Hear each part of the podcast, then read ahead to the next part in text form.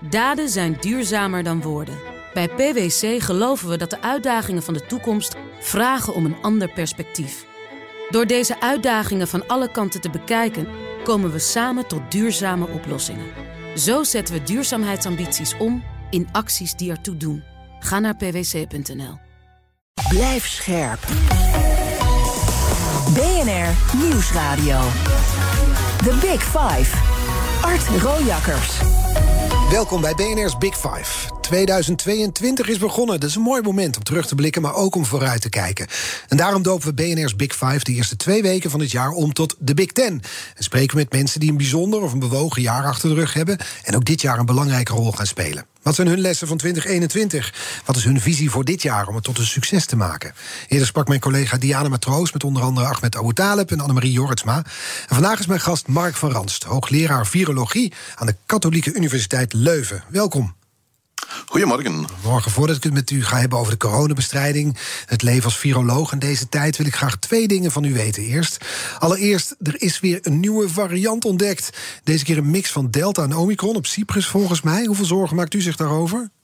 Op dit moment niet veel. Ik geloof er niet veel van. Ah. Um, en dat dan Deltacron gaan noemen, ja, dat, uh, dat lijken zo allemaal misdadigersnamen. Hè? ja, precies. Dus, uh, ja, nee. dus nee, ik geloof er niet in. Wanneer je kijkt naar de, de sequenties die in de databases zijn opgeladen, dan, dan zijn die all over the place. Normaal gezien, wanneer een nieuwe variant opduikt, dan, uh, ja, dan groeien die in, als een cluster uit elkaar. Dat zie je hier niet. Dus ik geloof op dit moment nog in een, een laboratoriumartefact. En iedereen en zijn broer is nu in de virologiewereld bezig om, uh, om dit te bekijken. Oké, nou dan ik, ik hou me aan uw geruststelling vast. Tweede vraag waarmee ik wil beginnen is dat het nu zo'n twee jaar geleden alweer is dat de pandemie begon. Hoe het met u gaat na twee jaar coronabestrijding? Wel, het, het moment waarop uh, ik me realiseerde dat het twee jaar was, en dat is nu een paar dagen geleden, dan, uh, dan denk je van god, twee jaar is eigenlijk wel best lang. En je raakt in een soort van routine.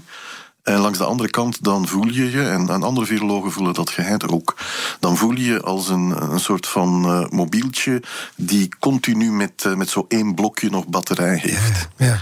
En, en die raakt niet opgeladen. Uh, dus dat, dat is een beetje oncomfortabel, maar langs de andere kant dan, dan ja, word je het ook wel gewoon. Ja, en er is ook geen, ja, je, je moet wel volhouden, er is geen alternatief. Wel, het alternatief is, is inderdaad, ja, is er niet. En je weet ook wel dat iets stopt. En, uh, en dan alle virologen dromen dan van ergens een, een maand vakantie of zoiets. Ja, ja, ik zou het u gunnen. Maar, maar, toch naar die golf waar we nu middenin zitten, die Omicron-golf. Besmettingsaantallen hier in Nederland, volgens mij ook in België en heel Europa, breken records. Wat staat ons de komende periode te wachten? Wel, we breken records met aantal besmettingen. Maar wanneer je naar, uh, naar onze landen kijkt, maar bon, we zitten er nog niet heel lang in, en naar het Verenigd Koninkrijk en Denemarken, die er al wat langer in zitten, of Zuid-Afrika, dan zie je dat de impact op de ziekenhuizen, en dan vooral op intensieve zorgen, er heel weinig is. En dat is, uh, dat is ja, waarschijnlijk wel goed nieuws. In de zin dat dit een manier kan zijn waarop we eruit komen. Um, ik hoop echt dat Omicron Delta volledig kan uit de wereld helpen. -hmm. En dan is de kans groter dat de nakomelingen, de volgende varianten die we gaan zien, dat die uit de Omicron-stal gaan komen. En uiteindelijk dan gaan we moeten concluderen dat met Omicron de situatie niet anders is dan situaties die we kenden wanneer er gewoon griep was. En, en dan moet je er ook naar handelen. Ja, dus dat is eigenlijk dus wat u bedoelde, want u heeft al gezegd... Omicron zou wel eens onze bondgenoot kunnen worden. Dat bedoelt u hiermee? Ja. Nu nog niet. Nu nog niet. Nu moeten we daar zorgen dat we dat onder controle krijgen. Uh, en dat we niet ergens verrast worden door een overbelasting van de zorg. Dat zou een enorme blamage zijn wanneer dat zou gebeuren. Dus daar moeten we wel naar handelen. Maar eenmaal deze golf voorbij, dan, uh, ja, dan moeten we toch heel goed vooruitkijken en, uh, en zorgen dat het op een of andere manier leefbaar wordt voor iedereen. Ja, en die golf waar we nu in zitten, is er een voorspelling te maken? Duurt dat weken, maanden? Waar moeten we aan denken? Moeilijk om te voorspellen, maar wanneer je naar Zuid-Afrika kijkt, dan zie je dat die golf niet heel lang duurde. Die was heel scherp, ging als een muur omhoog. Maar dan ook wel snel omlaag. Dus daar is het nu uh, aan het verdwijnen. Wanneer we kijken naar Denemarken, dan zien we dat uh, daar toch ook in die, in die snelle groei ook toch een vertraging komt. En we kijken werkelijk elke dag die, die cijfers. Dan hopen dat we binnenkort daar ook een daling gaan zien. En dan zal het waarschijnlijk in Nederland en België ook niet heel, heel lang duren. -hmm. En tot die tijd dus vooral zorgen dat er geen zorginfarct komt, omdat, ja, omdat de aantallen zo groot zijn. Niet omdat mensen echt zo ziek worden. Klopt, dus je probeert met de maatregelen die er nu zijn eigenlijk de, de piek te verzachten. Dat zorgt er natuurlijk wel voor dat de epidemie iets langer duurt, hè, want je gaat een spreiding in de tijd krijgen. Maar die spreiding is uh, in ieder geval veel meer comfortabel dan. Uh, ja, dan gewoon een enorme piek met een overbelasting. Niet alleen in de zorg, maar ook in alle andere kritische sectoren. Uh, niet omdat mensen op intensieve zorg belanden, maar wel omdat mensen uitvallen van het werk. En, uh, en dan krijg je in bepaalde sectoren natuurlijk wel problemen. Ja. Uh, de hoop dus van veel mensen dat deze Omicron-golf misschien wel eens een van de laatste heftige golven kan zijn, die, die deelt u, proef ik een beetje. Um, dat klopt, ja. Ja. Dus, dus ik hoop dat. En wanneer je naar de curves kijkt, dan zie je dat we nu heel veel aantallen hebben. Maar de sterfte die, uh, die, die beweegt amper. Integendeel, die gaat in, in, in België gaat die nog naar beneden. Dus, uh, en uiteindelijk is dat de, de maatstaf. Ja, wat gebeurt er in, in de ziekenhuizen? Hoeveel mensen zijn ernstig ziek? Mm -hmm. Um, we hebben nooit de gewoonte gehad om ons enorm zorgen te maken over verkoudheden. Dat is vervelend en economisch enorm belangrijk. Um, griep, dat is een serieuze ziekte. Um, virologen schrijven dat met een hoofdletter G. Spreken nooit over een griepje, dat bestaat niet, dat is een verkoudheid. maar griep kennen we wel. En als maatschappij hebben we, hebben we uh, leren tolereren dat elk jaar er een paar duizend mensen in de ziekenhuizen komen met griep. Uh, en dat is een ernstige longontsteking. Uh -huh. En dat we elk jaar in een land zoals België tussen de 500 en de 5000 griepdoden hebben. In absolute aantallen is dat natuurlijk in Nederland wat hoger. Maar daar leven we mee. Uh -huh. Daar zetten we de maatschappij niet voor op stelten. Uh, we proberen er alles aan te doen om die mensen zo goed mogelijk te behandelen. En dan hebben jullie een, een groter probleem dan in België, omdat wij meer intensieve bedden hebben. Ja, we hebben dus minder kunnen, intensive care bedden. Ja, en dat moet echt, dat is een opdracht, denk ik, voor de nieuwe regering, om dat toch te remediëren. Ja, dan komen we nog over te spreken van... over die nieuwe regering, want we hebben sinds gisteren ja. een nieuwe minister, inderdaad, Ernst Kuipers. U zult hem ongetwijfeld kennen.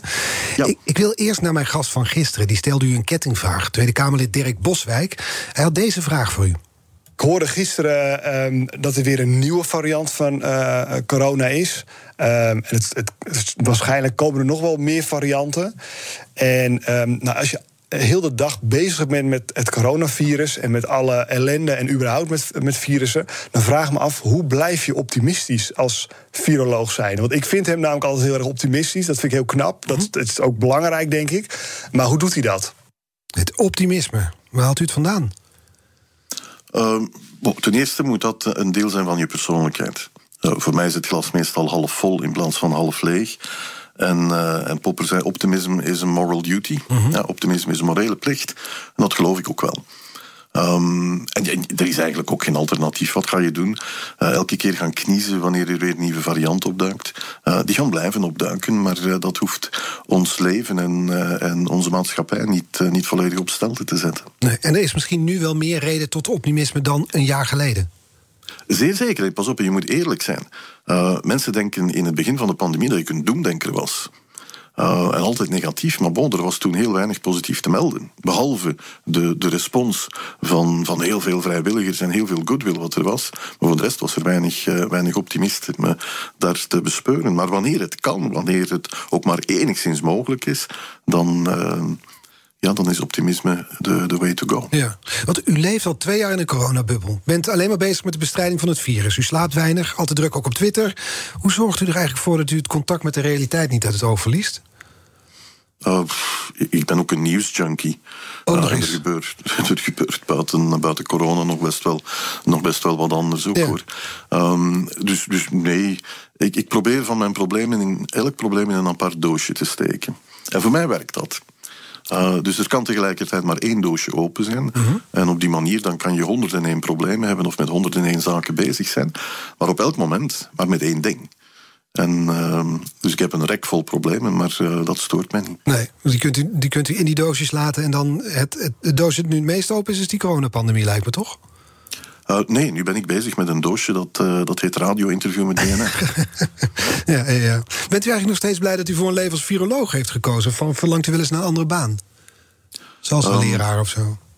Ja, moest ik enig gevoel voor ritme hebben, dan, uh, dan lijkt me dat een enorm fijn bestaan. Mm -hmm. maar, uh, maar voorlopig, en aangezien ik totaal geen gevoel voor ritme heb, dan, uh, dan vind ik viroloog ook wel leuk hoor. Mm.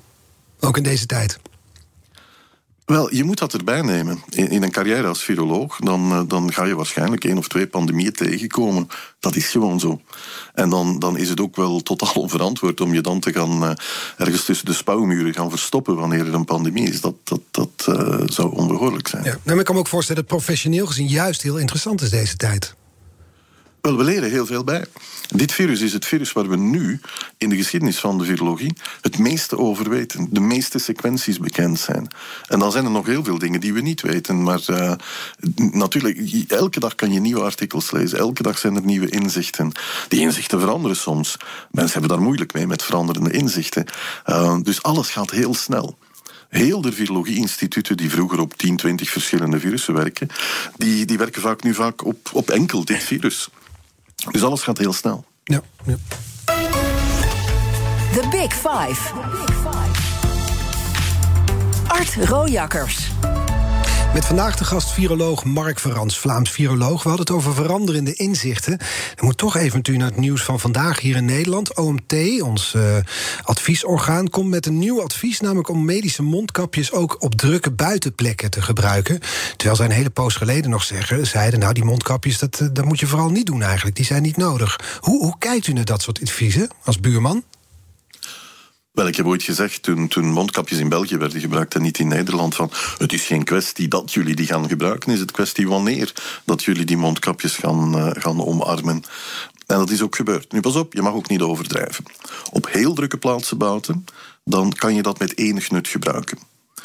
Maar wanneer die drukte ook maar enigszins wat weg is, dan, dan is dat zinloos. Ga alsjeblieft niet over de dijk gaan, uh, gaan wandelen of in de bossen gaan wandelen met een mondkapje op. Dat heeft geen enkele zin. Nee. Maar op hele drukke plaatsen, um, winkelstraten waar je van de ene winkel de andere ingaat, ja, dan kan je dat mondkapje even goed oplaten. Was het dan Hollands eigen wijsheid dat we dat tot nu toe niet deden? Of is het voortschrijdend inzicht? Voor een deel is dat voortschrijdend inzicht. Voor een deel had ik ook wel de indruk dat op een bepaald moment de hakken echt in het zand waren gezet. Ja, wij gaan geen mondkapjes gebruiken. Mhm. En eenmaal We gingen ook geen die- avondklok doen. Ja, eenmaal dat je die teneur... Ja, maar met die mondkapjes, dat was echt de hakken in het zand. En dan moest je echt sleuren om, eh, om dat erdoor te krijgen, denk Ja. ik. Ja, ja, nou nu komt het dan wel. Er is veel kritiek in Nederland, natuurlijk ook in, Vlaanderen. Maar als we naar, naar ons land kijken. Nu veel kritiek op de vaccinatiecampagne, vooral op de boostercampagne. Ook wel als buurman, hoe terecht vindt u die kritiek? Goh, de boostercampagne, de vaccinatiecampagne, daar, daar zat weinig verschil op. Eh, ik denk dat België en Nederland bij de landen zijn waar de, de vaccin-uptake, eh, dus de vaccinatiegraad, waar die zeer, zeer behoorlijk goed is. Uh, maar de boostercampagne kwam gewoon heel laat op gang in Nederland. Daar waren heel veel landen die, die daar voorsprong hadden. En dan is de kering wel gekomen uh, wanneer men ook tussen het kerst en nieuwjaar is gaan blijven doorvaccineren. Dus daar, daar is wel een kentering in. Maar um, het was toch één van die factoren die bepalen, samen met die intensive care bedden, dat, uh, dat jullie in lockdown zitten en, en andere landen dat niet doen. Dat, het feit dat we zo laat, laat zijn gaan boosteren, eh, draagt daaraan bij. Dat zal er zeker aan bijgedragen hebben. Nu, het was dat niet alleen. Wanneer je de, de simulaties bekeek, en die simulaties waren grosso modo hetzelfde in verschillende landen hoor. Maar wanneer je dan het pessimistische scenario bekeek, dan konden we in België zeggen van mm, ja, dit halen we nog net met de bedcapaciteit die we hebben op intensieve. En dan moest je in Nederland zeggen, dit is een ramp, dit halen we niet. Ja. En dus moest Dus er een daar- lockdown komen hier. Ja, maar daar moet echt iets aan gebeuren. Dat, uh, dat is echt een, een, een majeure taak voor het nieuwe kabinet. Om ervoor te zorgen dat er gewoon meer intensieve bedden zijn. Jullie hebben de helft van de, de bedden die we in België hebben. Ik zou niet weten hoe we het moeten runnen met de helft van onze intensive care bedden. Zelfs in gewone basale omstandigheden zou dat behelpen zijn. En dan wanneer je naar Duitsland kijkt, die hebben nog drie keer zoveel als in België. Dus die hebben vijf, zes keer meer intensieve bedden dan in Nederland per 100.000 inwoners. Dus hoeveel zouden, Dus- zou het hier moeten verdubbelen? Ik denk dat je daar toch ergens moet naartoe gaan. Verdubbelen gaat natuurlijk, mm, dat, gaat, dat gaat heel zwaar klinken. En natuurlijk, bedden kopen is geen probleem. Ja, die, die bestel je. Maar uh, het zijn de mensen die aan dat bed moeten staan. Verpleegkundige artsen die hoog opgeleid moeten zijn om op uh, intensieve uh, zorgen te kunnen werken. Die moet je natuurlijk trainen. Dat kan je niet op een jaar of zelfs twee jaar. Nee, maar u noemt het een majeure taak. Waarom is het zo belangrijk? Dit was het grote probleem, denk ik, in, uh, in, in Nederland. Um, je had gewoon heel weinig vrijheidsgraden, omdat uh, ja, de intensieve bedden heel vlug uh, opvulden. Dus dat, daar kan je een kwaliteitsverbetering doen. Ja, dat gaat wat meer kosten. Ja, die zullen niet altijd 100% bezet zijn. Maar dat, uh, dat is net die marge die je nodig hebt. Niet in vredestijd, mm -hmm. maar, uh, maar zelfs in een gewoon winterseizoen, wanneer de griep terugkeert, of wanneer je tegelijkertijd een griep en een corona-epidemie gaat moeten, uh, gaat moeten bolwerken. En die periode die komt er nog in de toekomst, ja, dan ga je gewoon meer intensieve bedden nodig hebben. Dat is heel eenvoudig uit te rekenen. Ja. U, u bent natuurlijk Belgisch viroloog, maar u uit nu ook heeft u advies. U uit wel vaker ook kritiek op de Nederlandse politiek, op het coronabeleid. Had u ook eigenlijk viroloog in ons land willen zijn? Jullie hebben in Nederland uitstekende virologen. Ja. Uh, met Marion Koopmans en Ab Osterhaus. Er kan er altijd nog eentje bij, toch? Ja, maar dat, zal wel. Um, maar ik heb het, het grootste respect voor de virologen die jullie hebben. Ja. is de grootste viroloog wereldwijd. Mm -hmm. uh, en dat beseffen jullie in Nederland gewoon te weinig. Mm. Het verschil tussen Nederland en België uit zich ook dus in die files die we zien. Elk weekend weer staan er Nederlanders in de file om Antwerpen in te komen, daar te gaan shoppen of naar het café te gaan. Is er nou een verklaring voor te vinden dat het Nederlands en Belgisch coronabeleid zo verschillen? Is dat puur die intensive care bedden waar u het over heeft? Voor een groot deel wel. Um, Natuurlijk, ik, ik denk dat het, het, wat jullie dan zo'n mooi demissionaire kabinet noemen, mm -hmm. um, dat die ook wel op het einde van hun legislatuur een, een trendbreuk wouden. Die hebben altijd de, de kritiek gekregen van jullie zijn te laat, jullie doen te weinig. En dan, uh, dan heeft men gezegd van nou, dan gooien we even het roer om. En dan, uh, dan gaan we wat meer anticiperen. Uh, om dan natuurlijk met de nieuwe met de nieuwe regering een, uh, een populaire start te kunnen maken door, door dan maatregelen te versoepelen, hopelijk op het juiste moment. Het is gewoon een politieke keuze ook. Uh, alles, alles is altijd mee een politieke keuze. En ik heb geen enkele twijfel dat, dat alle regeringen dat, die dat allemaal doen, hun, hun uiterste best doen. Ja, en een heleboel goodwill hebben en, en eigenlijk heel hard met die crisis ook bezig zijn. Maar vaak zijn ze een beetje geparalyseerd. En die paralyse komt door de reactie van de media, de bevolking, um, van, van gedacht veranderen als politicus. Mm -hmm. Oh, maar dat wordt je zo hard aangevreven dat je vaak geparalyseerd zit. Uh, je wordt afgerekend op alles. Um, men is werkelijk meedogenloos voor politici. Dat zorgt er ook voor op langere termijn dat heel bekwame mensen absoluut niet de politiek in willen. Die steken nog liever naalden in hun ogen dan in de politiek te gaan. Ja. En die, die hardheid, die, uh, die betreur ik en die zou er eigenlijk ook uit moeten. Ja, ja. Maar het zou dus zo kunnen zijn dat die, die lockdown waar we nu in zitten is ingegeven door het feit demissionair kabinet wil laten zien we kunnen heus wel optreden. En dus een harde maatregel. En dan net bij die ene golf waar het misschien helemaal niet nodig was, Omicron. Wel, je kon dat niet weten. Ja, de, de, pessimistische scenario's, en als verantwoordelijk bestuurder moet je ook rekening houden met dat pessimistische scenario, mm -hmm. dan, dan had dit een ramp geweest. Op dat moment dan wist men niet zeker dat Omicron dat dat uh, redelijk ging meevallen uh, in, in de hospitalen en zeker op de intensive care afdelingen. Mm -hmm. Dat wist je niet. Dat was één van de mogelijkheden, maar het was ook maar één van de mogelijkheden. Dus dan moest je wel uh, beleid gaan, gaan sturen naar dat worst case scenario. En dat betekent in dit geval, ja, je moest aan de noodrem, vol aan de noodrem gaan hangen, want anders had je intensieve bedden te weinig. Ja, en dat moest dus in Nederland, omdat wij nou eenmaal minder intensive care bedden of intensieve bedden, zoals u het noemt. En in België zijn die er meer, dus was het in België niet nodig. In België hadden we de marge om nog wat meer te wachten om aan die noodrem te trekken. Pas op, we waren daar klaar voor. Mm -hmm.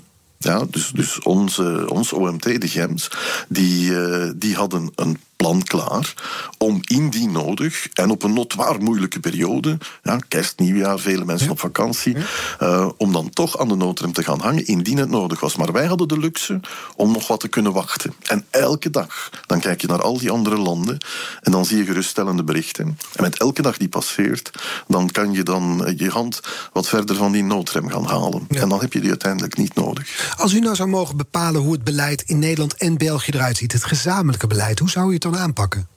Ik zou dat niet doen op, op, op België of Nederlands niveau. Dat moet je doen op Europees niveau. Um, deze crisis heeft heel duidelijk aangetoond, behalve misschien met de vaccin aankopen, dat we geen echt verenigd Europa zijn. We zijn zeker niet de Verenigde Staten van Europa. We voeren allemaal ons eigen beleid.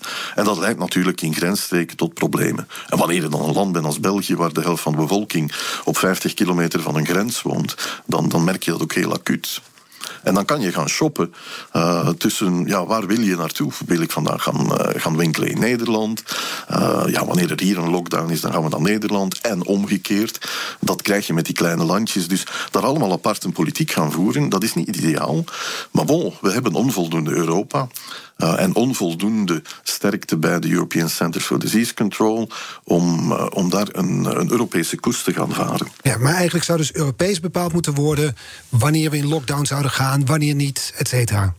Veel meer, maar pas op, dat is niet makkelijk om te doen, want je hebt hele verstedelijkte gebieden, nou, zoals België en Nederland. En dan heb je in Europa rurale streken waar je misschien andere maatregelen moet nemen. Dus het gaat altijd wel wat getitreerd zijn. Maar enige Europese coördinatie, en we weten dat dat kan, want voor de diergeneeskunde lukt dat een heel stuk beter, mm -hmm. dat, uh, dat had toch wel handig geweest. Ja. Wat had het gescheeld? Um, ik ben niet zeker of het nu tot minder zieken of minder doden had geleid. Maar het had zeker tot minder heisa geleid.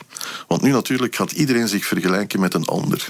En werkelijk in elk land ter wereld ja? Vindt men dat de regering en de wetenschappers dat toch wel heel slecht hebben aangepakt. Ja.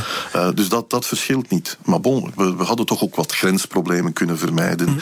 Uh, die heisa in het begin van die het tegenhouden van... die België in één keer oh, op de grens ging zetten. Dat, dat is niet oké. Okay. Uh, nee. Het tegenhouden van vrachtwagens met mondmaskers. Dat zijn allemaal dingen die we nooit gingen doen. Maar dan zie je dat dat laagje vernis, dat Europees gevoel, dat dat toch wel heel dun is op een bepaald moment. En dit is niet de grootste crisis die we kunnen meemaken. Hè? Er vielen geen bommen uit de lucht. Nee, dat niet. Nee. We spreken zo verder toch over de crisis waar we nu in zitten. En ook over de bedreigingen waar u onder andere mee te maken heeft gekregen. Tot zo. Daden zijn duurzamer dan woorden. Bij PwC geloven we dat de uitdagingen van de toekomst vragen om een ander perspectief. Door deze uitdagingen van alle kanten te bekijken, komen we samen tot duurzame oplossingen.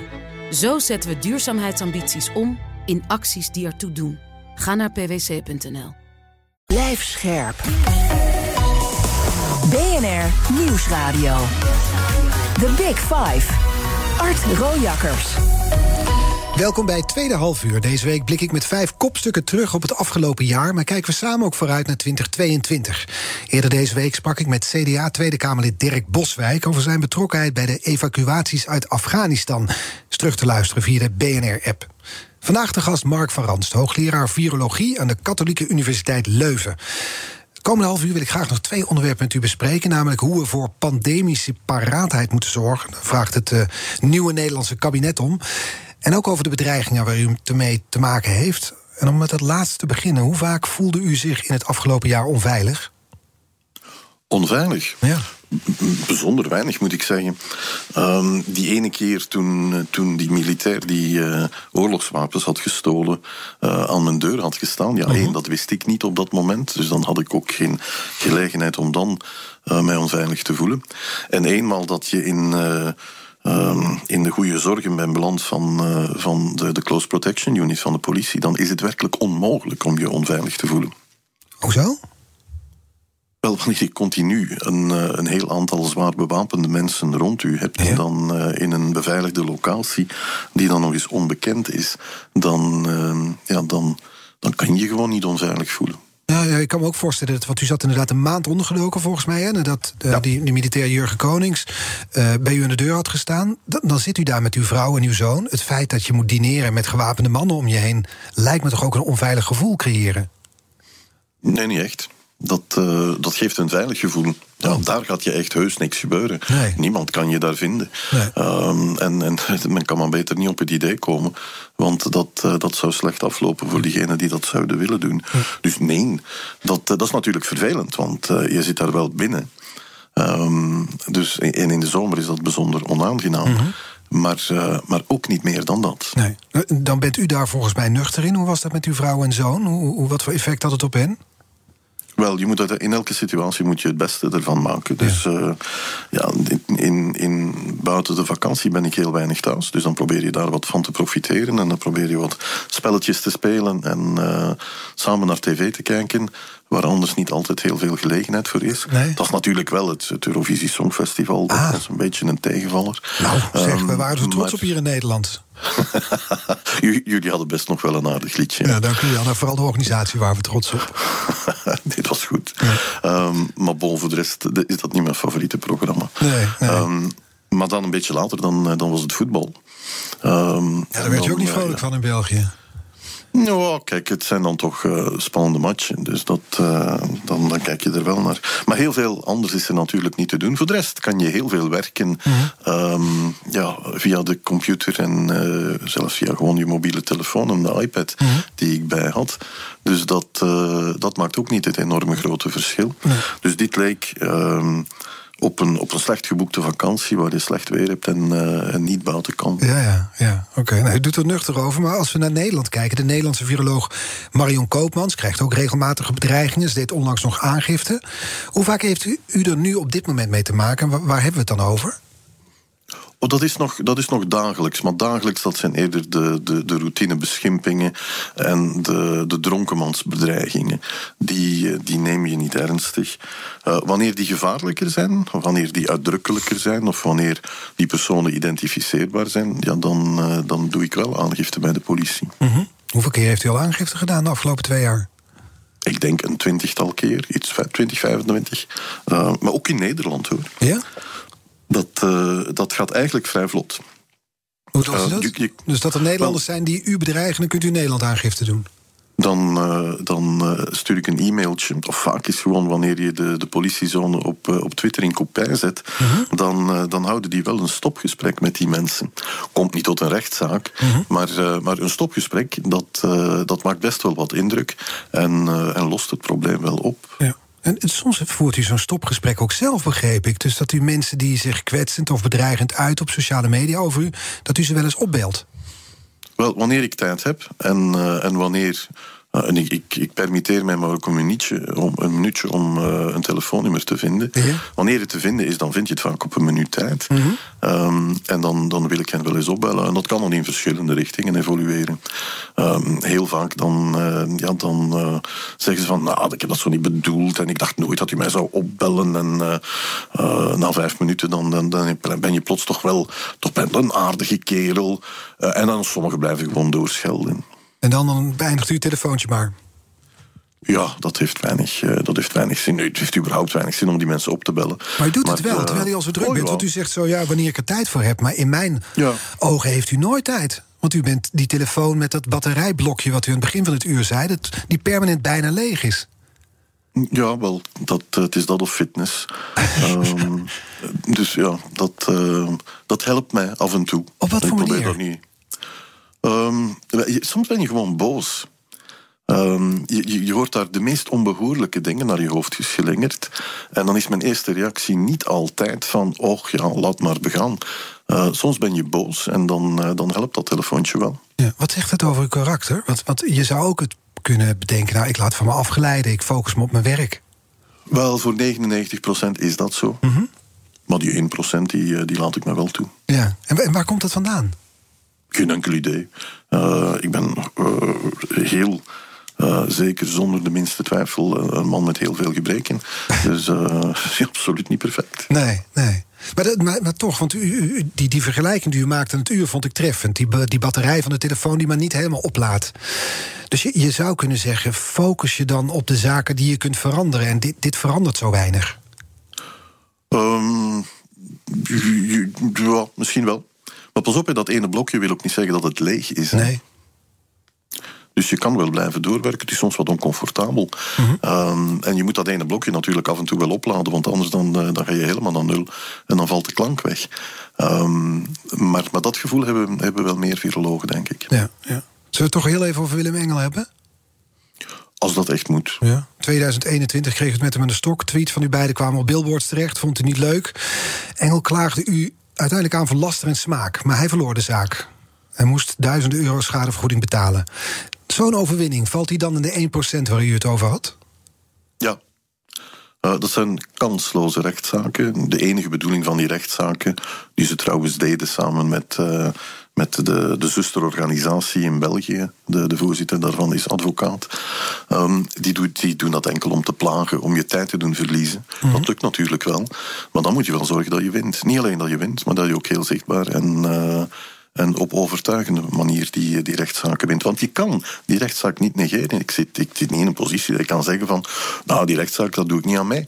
Je wordt gewoon voor de correctionele rechtbank gedaagd. Mm -hmm. Door iemand die 250 euro over heeft om een deurwaarder te betalen. En dan kan je iedereen voor een rechtbank slepen. Ja. Wat hij vergeet, is dat je dat niet zomaar ongestraft kan doen. Um, en dan, uh, dat heet tergend en lastelijk, ik. Ja. Um, en dan, uh, dan word je zelf veroordeeld tot een boete. Ja, en dat gebeurde dus. En dan zegt u dat dat, dat is een overwinning die anderen ontmoedigt. Wel ja, wanneer, wanneer je dat niet doet, dan uh, kan iedereen plots het idee krijgen van: oh, ik ga ook een rechtszaak beginnen. Ja. En, uh, en dan, uh, dan moet je er nog meer tijd in steken. Dus dat is gewoon preventie. Ehm, dan moet je dat serieus nemen en dat op overtuigende manier winnen. En dan, dan werkt dat ontmoedigend. Mm -hmm. Is, is uw karakter de afgelopen twee jaar veranderd? Totaal niet. Nee? Nee. Die nuchterheid, enigszins laconiek, zoals u zich hierover uit, dat, dat, dat hoort bij u? Ja, dat is er ook altijd geweest. Dat maakt u wel geschikt voor deze functie dan? Uh, dat weet ik niet. Er zullen heel veel mensen voor geschikt zijn. Maar, uh, maar ik zou het ook op geen andere manier kunnen doen. Nee. Dus ik heb geen vergelijking. Nee, nee. Er was dit weekend nog gedoe hier in Nederland... omdat Willem Engel, we noemen toch nog maar een keer... het adres van onze minister Sigrid Kaag publiceerde. En dat is u ook eens overkomen, hè? Nu tweette dat het Openbaar Ministerie actie moet ondernemen. Ja, de, de, de advocaat van Willem Engel had, uh, had in een tweet, um, in een illustratie in die tweet, mijn, uh, mijn adres gewoon publiek gezet. Uh, en dat was net op het moment dat ik met, met het gezin uit, de, uit dat safehouse kwam. Mhm. Mm -hmm. um, compleet onbehoorlijk, compleet onverantwoord. Um, dus, dus zulke dingen zijn, zijn ook niet toevallig. Dat, dat is deel van een strategie. En dat hoort niet. En daar hoort ook tegen opgetreden te worden. Ja, en dus ook in dit geval. Zeer zeker. Dat, uh, je, je, kan, je kan van mening verschillen. Daar heb ik geen enkel probleem mee. Laat maar gebeuren. Maar probeer dat dan te doen op een iets of wat behoorlijke manier. Dat mag scherp zijn. Um, maar dat hoeft niet met bedreigingen te gebeuren. En dat hoeft niet met het belagen van uh, die mensen, die politici of wetenschappers, in hun, uh, in hun privéleven. Had u twee jaar dat geleden, toen, toen deze pandemie begon. Ja, voor iedereen is voorspellen moeilijk, ook voor u. Maar had u twee jaar geleden deze verdeeldheid in de maatschappij kunnen voorspellen? Dat er een groep is die zich zo afzet tegen het staande beleid waar u voor staat? Wel, antivaxers hebben altijd bestaan. Um, maar natuurlijk, die, die kregen nooit enorm veel tractie, omdat er geen, geen internet, geen sociale media bestonden. Dus nu, um, ja, elke idioot die de vlag hijst, kan wel mensen vinden die gaan salueren bij die vlag. Ja, dus, dus je kan altijd aanhangers winnen. En dat gaat natuurlijk op sociale media bijzonder vlot. Dus dat dit een, uh, een epidemie ging zijn waar sociale media een grotere invloed gingen hebben, dat stond wel in, uh, in de sterren geschreven, denk Mhm. mm -hmm. ik. Mm -hmm. En als u dan toch, dit is de terugblik en de vooruitblik doet, hoe, hoe verloopt dat verder, die tweedeling?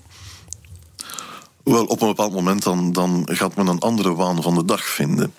En dan verplaatst die tweedeling zich naar, een, uh, naar weer een ander domein klimaat zal waarschijnlijk daar, uh, daar een van de volgende grote zijn. Uh, en bij elke match die Oranje speelt, dan uh, is plots elke Nederlander bondscoach geworden. En dan verplaatst zich daar eventjes naartoe. dus ze vinden altijd wel een waan van de dag. En voor sommige mensen, mag je niet vergeten, is dat ook een verdienmodel. En die gaan die waan van de dag uh, actief opzoeken om, uh, om dan van volgelingen donaties te kunnen verwerven. En dat gaat niet over een paar, uh, een paar ton, dat gaat over serieuze bedragen. Zometeen praat ik verder met viroloog Mark van Ranst. Eerst Iwan Verrips met BNR Breekt. Wat is je breekijzer? Ons breekijzer is vandaag... de hoge inflatie raakt mij in mijn portemonnee. Vorige maand opgelopen tot 5,7 procent. Het uh, hoogste niveau in bijna 40 jaar... als je dus jaar op jaar kijkt. En uh, heel uh, 2021 kwam het neer op 2,7 procent. Hoogste niveau sinds 2003. Ook Europees springen we eruit. En dan zie je dat vooral voedsel en energie duurder zijn geworden. Dat is natuurlijk op papier heel vervelend... maar ik vraag me af, is dat in praktijk heel vervelend. Merk jij dat bijvoorbeeld in je particuliere leven of als ondernemer zijnde? En dus is ons breekijzer vandaag: de hoge inflatie raakt mij in mijn portemonnee. Draai jij in de supermarkt ja, die producten nog een keertje om en kijk je of er misschien goedkopere varianten zijn? Zet je de verwarming thuis een graadje lager en trek je nog een trui aan? Of ja, is het voor jou een soort papieren werkelijkheid en zie je er eigenlijk nog niet zoveel van terug? Zometeen gaan we erover praten om 11 uur in BNR Breekt. Je kan bellen naar het nummer 020 468 4 0 Wel goed, ons breekijzer. De hoge inflatie raakt mij in mijn portemonnee. Bellen vanaf 11 uur over een klein kwartiertje naar BNR Breekt en meepraten. Tot zo, Iwan. BNR Nieuwsradio. The Big Five. Art Rojakkers. Deze week de tweede deel van BNR's Big Ten van 2022. Later deze week praat ik bijvoorbeeld nog met misdaadjournalist Wouter Laumans over ondermijning. Vandaag de gastviroloog Mark van Ranst vanuit Brussel.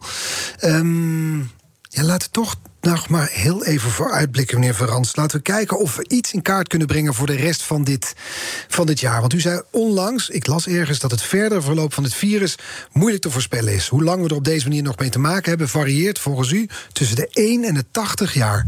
Toen dacht ik, dat is niet heel opgevend. Wel, in, in wetenschap probeer je te werken met de feiten die je hebt. Um, en, en er zijn enorm veel onzekerheden. En dan ga je kijken met wat is dit te vergelijken? Wel, dit is te vergelijken met bijvoorbeeld een pandemie in 1890 met een ander coronavirus, OC43 heet dat, uh, heet dat virus. De Russische griep werd er toen genoemd dat, volgens mij. Dat werd toen de Russische griep genoemd. Um, dat was een virus dat toen van, van runderen naar de mens is overgesprongen. En dan een pandemie veroorzaakte die ongeveer, wanneer je de uh, bevolkingsgrootte op de planeet vergelijkt, een, een vergelijkbare impact had. Um, en waar ook de symptomen compleet samen met, uh, met geur- en smaakverlies um, toen op exact dezelfde manier beschreven werden. Dus het is een, een, een plausibele hypothese dat dit um, het begin was van OC43. En wanneer je stamboomonderzoek doet van die virussen, filogenetisch onderzoek heet dat, dan, dan waren daar een aantal goede argumenten voor. Mm -hmm. Nu, dat virus dat is uh, begonnen dus in 1890. Um, hebben we ontdekt in 1970 ongeveer. En uh, op dat moment was dat een, een verkoudheidsvirus. Dus in 1970, en daar zijn we zeker van, was dit een, een virus wat verkoudheden veroorzaakt. Dat doet het trouwens nu nog. Mm -hmm. En dat was um, dus 80 jaar later. Ongeveer. En um, dat zijn, pas op, niet, niet de gewone verkoudheden waar je enkel een beetje neusloop hebt. Mm -hmm. Dit zijn de verkoudheden waar je toch uh, behoorlijk, behoorlijk van uh, hinder van ondervindt. Uh, met wat, zelfs misschien wel wat koorts, wat, wat hoesten, vervelend. Um, dus heel anders dan een neusverkoudheid. Mm -hmm. Maar dus dat. Uh, dus je weet perfect, in 1890 was dit een pandemisch virus, mensen stierven. En in 1970 dan was dat een verkoudheidsvirus. En wanneer dat virus van een pandemisch gevaarlijk virus naar een verkoudheidsvirus is gegaan, ja, dat weten we niet zeker. Nee. Dat kan perfect in 1891 al gebeurd zijn. Um, of dat kan in 1969 gebeurd zijn. Dus dat weet je niet met zekerheid. Nu, wanneer we nu kijken naar Omicron, dan trekt dit al eerder op dat OC43 dan op het virus waar we mee begonnen zijn. Hm. Dus het zal eerder wat dichter bij de 1 jaar liggen dan bij de 80 jaar. Dus, maar dat kan wel een paar jaar duren en daar moeten we ons ook op kunnen instellen. Uh, Zo'n pandemie dat is een heel dik boek met heel veel hoofdstukken. Um, en is er iets te zeggen in welk hoofdstuk we nu zitten? Wel, ik denk dat we naar het einde van het boek uh, zijn, maar uh, je voelt de achterkaft nog niet hoor. Uh, dus dat, er zullen nog waarschijnlijk wel een paar hoofdstukken komen. Ja. Maar, maar hopelijk. Um, Eerder, eerder mildere verhalen en, en op het einde een, een happy end. Wat voor jaar wordt dit, 2022, als we kijken naar die pandemie? Een veel normaler jaar. Ehm, het eerste jaar, 2020, was gewoon ellendig. Ja. Heel veel mensen stierven. Uh, het trauma van die, die, die vele duizenden doden in de woonzorgcentra. Um, er, er, was te weinig van van alles. Uh, handschoenen, mondmaskers, we hadden niks. Dan 2021 was het jaar van het vaccin. Mm -hmm. Het jaar van de hoop. Maar bon, dat vaccin dat beschermt niet 100%. Dat hadden we ook wel vlug door. Dus dat is niet de volledige oplossing. Um, het jaar dat er ook antivirale middelen ontwikkeld werden, die gaan dit jaar beschikbaar worden. Die gaan ook wel een beetje helpen. Dus we zijn nu niet meer hulpeloos. We weten hoe we er moeten mee omgaan. We weten ook wat de noodrem is. We vinden dat onaantrekkelijk, maar het is een optie die er altijd wel is. Je hebt vaccins die, die van dit virus een, een veel minder gevaarlijk virus kunnen maken. Um, en dan heb je de natuurlijke evolutie van het virus ook wel. Dat helpt mm. allemaal. Dus 2022 moet een veel normaler jaar ja. worden dan 2021 of Een veel normaler jaar. En dan de vraag die veel mensen elkaar toch ook stellen in gesprekken. Gaan we nog ooit terug naar de samenleving zoals we die kennen van voor de pandemie? In, in het algemeen kan je daarop zeggen ja. Voor de belangrijke dingen gaat het net hetzelfde zijn. Ja. Maar natuurlijk gaan er een aantal dingen ook wel wat veranderd zijn. Bijvoorbeeld luchthygiëne gaan we belangrijker vinden. CO2-meters, luchtzuivering. Het, het, het, belangrijk vinden van een gezonde luchtomgeving. Uh, dat gaan we net zoals handhygiëne gaan we belangrijk vinden. Dus luchthygiëne gaat altijd een grotere rol spelen. En dat is een goede zaak in een aantal zaken gaan, gaan, gaan andere veranderingen optreden. Bijvoorbeeld reizen. We gaan minder reizen. Well, we gaan nog altijd op vakantie. Maar de, de, de businessreizen, om ergens een opleiding te volgen in het buitenland, ja, dat kan je even goed met, uh, met Zoom-meetings ja, doen. Ja.